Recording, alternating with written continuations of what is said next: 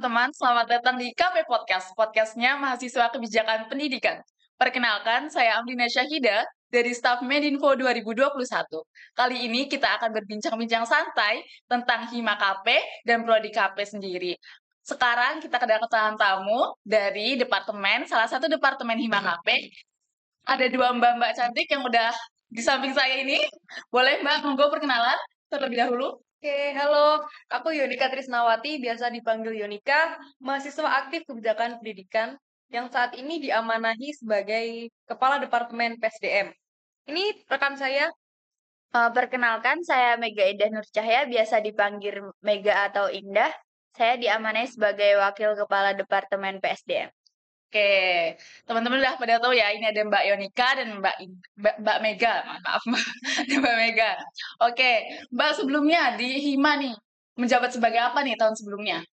Uh, kalau tahun sebelumnya saya sebagai staf PSDM. Sebagai staf PSDM, ya. Mbak Mega sendiri? Sama, saya Sama. juga staf PSDM. Jadi melanjutkan ke PSDM lagi ya Mbak ya, sebagai ketua dan wakil ketuanya ya? Iya. banget. Sebelumnya teman-teman mungkin jarak apa namanya belum tahu nih apa namanya PSDM tuh. Terus singkatan dari apa tuh PSDM, Mbak? Uh, PSDM sendiri itu pengembangan sumber daya manusia. Pengembangan sumber daya manusia. Ya, tupoksinya tugasnya dari PSDM itu ngapain aja nih? Kalau PSDM sendiri itu kawasan kerjanya itu pengembangan SDM khususnya pada pengurus dan anggota HIMA serta pembentukan alur kaderisasi yang efektif untuk periode HIMA selanjutnya. Jadi mengurusi kaderisasi tentang hima-hima gitu ya Mbak ya? ya?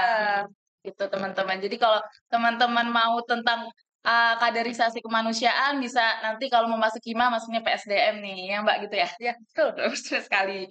Terus untuk proker-prokernya dari PSDM kira-kira ada apa aja nih? Untuk prokernya di PSDM itu ada 10, ada talk show beasiswa, ada manajemen organisasi, ada edukarir, ada public speaking, ada gathering KP, ada PDM PLM, ada PKKMB jurusan, ada juga It's Your Day, dan juga Edupol Party. Wow, dari banyaknya semua proker itu pembagiannya gimana tuh Mbak sama staff-staff lainnya? Apakah satu-satu ada dapat atau banyak yang double job nih?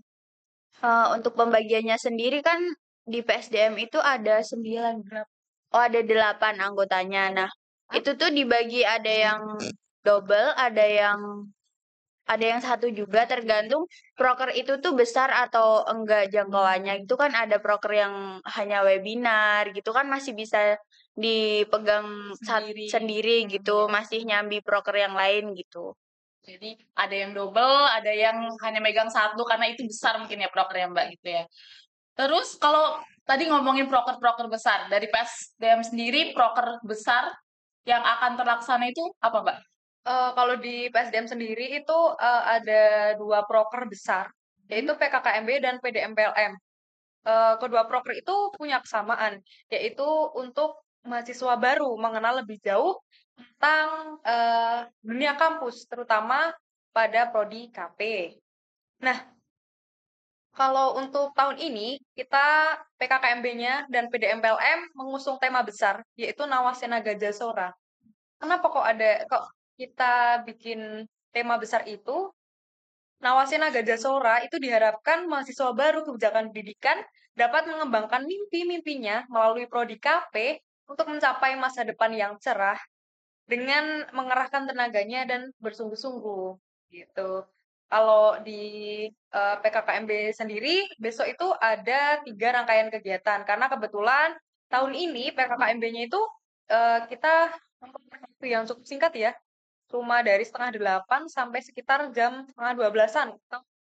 Ya sekitar uh, begitu. Jadi kita perlu bikin kegiatan yang singkat-singkat aja nih. Nah kalau PKKMB-nya sendiri itu ada bincang birokrasi ada webinar jurnalistik sama webinar tentang komunikasi.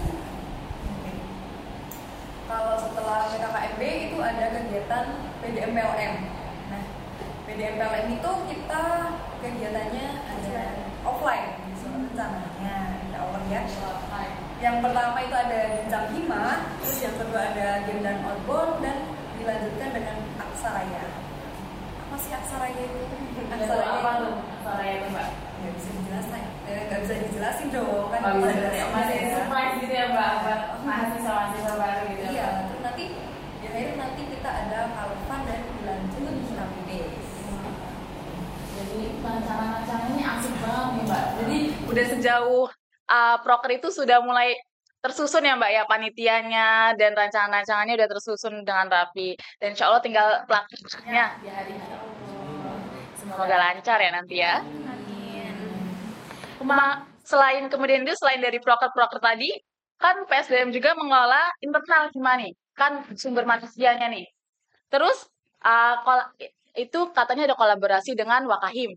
Nah, bagaimana tuh dari Mas eh dari Mbak-mbaknya nih untuk kolaborasi dengan Mas Galang sendiri? Untuk menjaga internal Hima sendiri, PSDM itu ber- berkolaborasi dengan Wakahim melalui salah satu proker yaitu Gathering KP. Nah, Gathering KP ini akan dilaksanakan di pertengahan periode dan juga di akhir periode sebelum musma biasanya. Jadi itu tuh di Gathering KP itu di rangkaiannya ada juga nanti pembagian catatan hati. Itu tuh bentuk, sebagai bentuk evaluasi bagi semua pengurus hima jadi kita saling mengevaluasi satu sama lain gitu agar ke depannya kita bisa menjalankan eh, kepengurusan ini lebih baik untuk gathering KP yang pertama kemarin itu kita juga offline kebetulan di Pantai Sundak dan untuk yang selanjutnya ini masih belum belum tahu karena nanti masih di akhir Di akhir periode. periode ya Mbak ya. Jadi ada kerjasama antara PSDM dan PSDM dan Pak Wakahim sendiri ya untuk tentang internalnya Hima sendiri ya. Ali, Pak.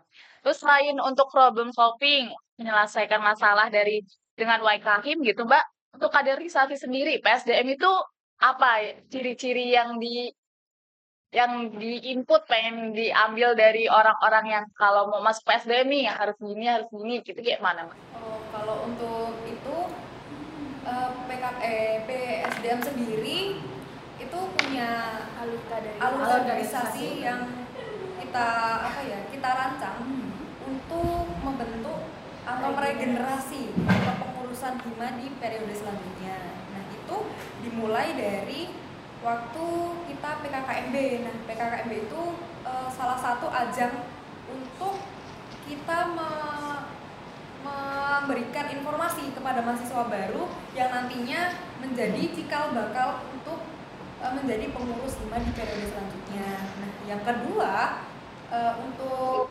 kita lebih mengenalkan Hima kepada umum, kita menjalankan program-program kerja dengan bersungguh-sungguh agar seluruh pengurus maupun anggota Hima dapat memperoleh manfaat dari pro- proker-proker itu untuk dirinya. Begitu.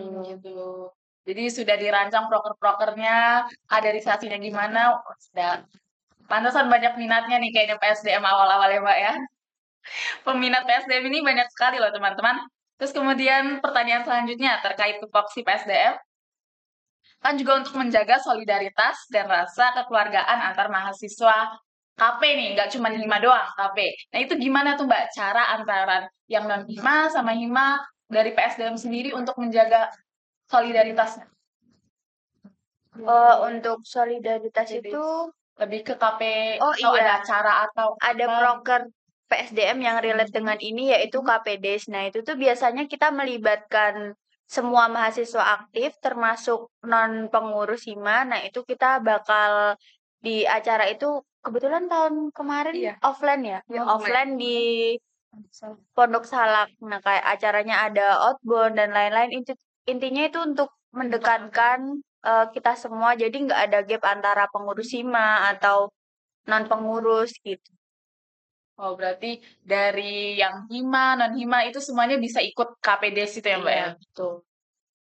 Keren sekali ya ternyata tugas-tugas dan fungsi dari PSDM sendiri. Selain itu juga proker-prokernya luar biasa, keren banget, Mbak.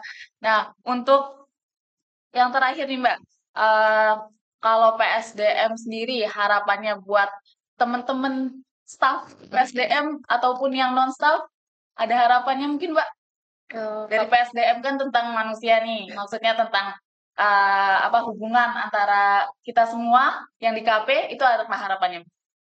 Kalau dari aku sendiri itu kalau untuk pengurus itu diharap uh, aku berharap agar teman-teman tuh kayak ma mau gitu loh untuk uh, mencoba se semua hal tentang dia di di organisasi itu teman-teman tuh mau, mau untuk mengembangkan dirinya, untuk uh, gimana ya, mengeluarkan kemampuannya gitu. Jadi uh, uh, teman-teman tuh bisa saling belajar tentang organisasi. Selain itu, uh, untuk yang non pengurus itu juga kan bisa ikut kepanitiaan ya. gitu di uh, proker-proker hima. Contohnya kalau di kita sendiri itu ada PKKMB yang kita menjaring teman-teman non pengurus itu untuk ikut jadi panitia. Jadi mereka ikut mengembangkan pikirannya, mengembangkan kayak soft skillnya.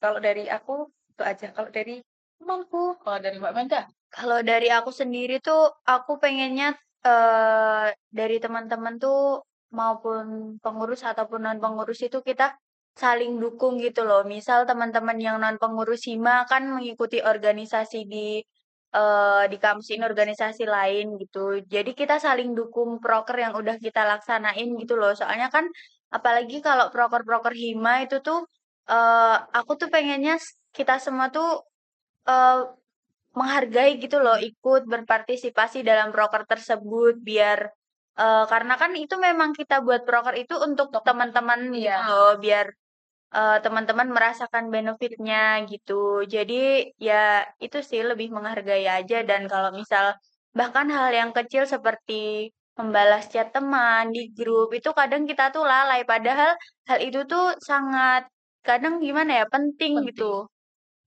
Meskipun cuma dibalas, dibalas emot atau gimana itu tuh sebenarnya ya penting, penting. gitu. Ada feedbacknya gitu ya Mbak ya? Iya, bentuk menghargai lah. Hargai. Gitu ya teman-teman dari dari PSDM, dari tupoksinya, fungsinya, proker-prokernya yang banyak sekali nih. Dan proker terbesarnya sekarang yang sedang dijalankan itu ada PKKMP dan PLM PDM. Terus untuk teman-teman uh, semuanya gitu kan dimohon nih kalau ketika ada acara-acara dari Hima itu bisa join ya Mbak ya, ya. bisa gabung uh, bisa uh, sama-sama mendukung biar semuanya berjalan dengan lancar. Gitu. Terus ada harapan lagi nggak, Mbak, buat KP-nya sendiri nih? Kalau tadi kan buat imannya, eh buat uh, manusianya nih, Mbak, buat yang di dalamnya sumbernya. Kalau buat KP-nya sendiri? Uh, kalau untuk prodinya sendiri atau kebijakan pendidikannya itu ya semoga lebih mengevaluasi yang sudah sudah. Contohnya kayak uh, kurang aktifnya mahasiswanya hmm. untuk mengikuti kegiatan-kegiatan yang sudah dirancang dan untuk apa ya? Kayak lebih evaluasi-evaluasi tersebut dijadikan masukan untuk diri sendiri dan kayak harus lebih baik lah ininya ya, gitu.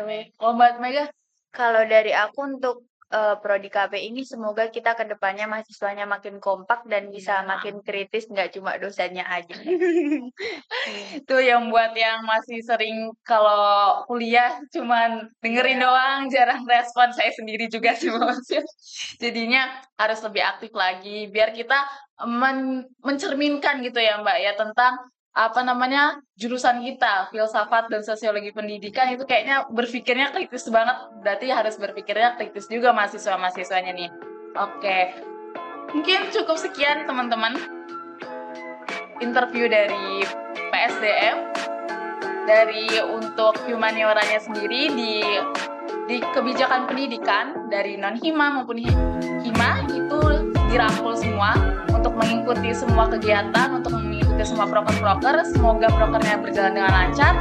Dan buat teman-teman, uh, jangan lupa kalau ada proker-proker selalu diikuti, selalu didukung, selalu di-support.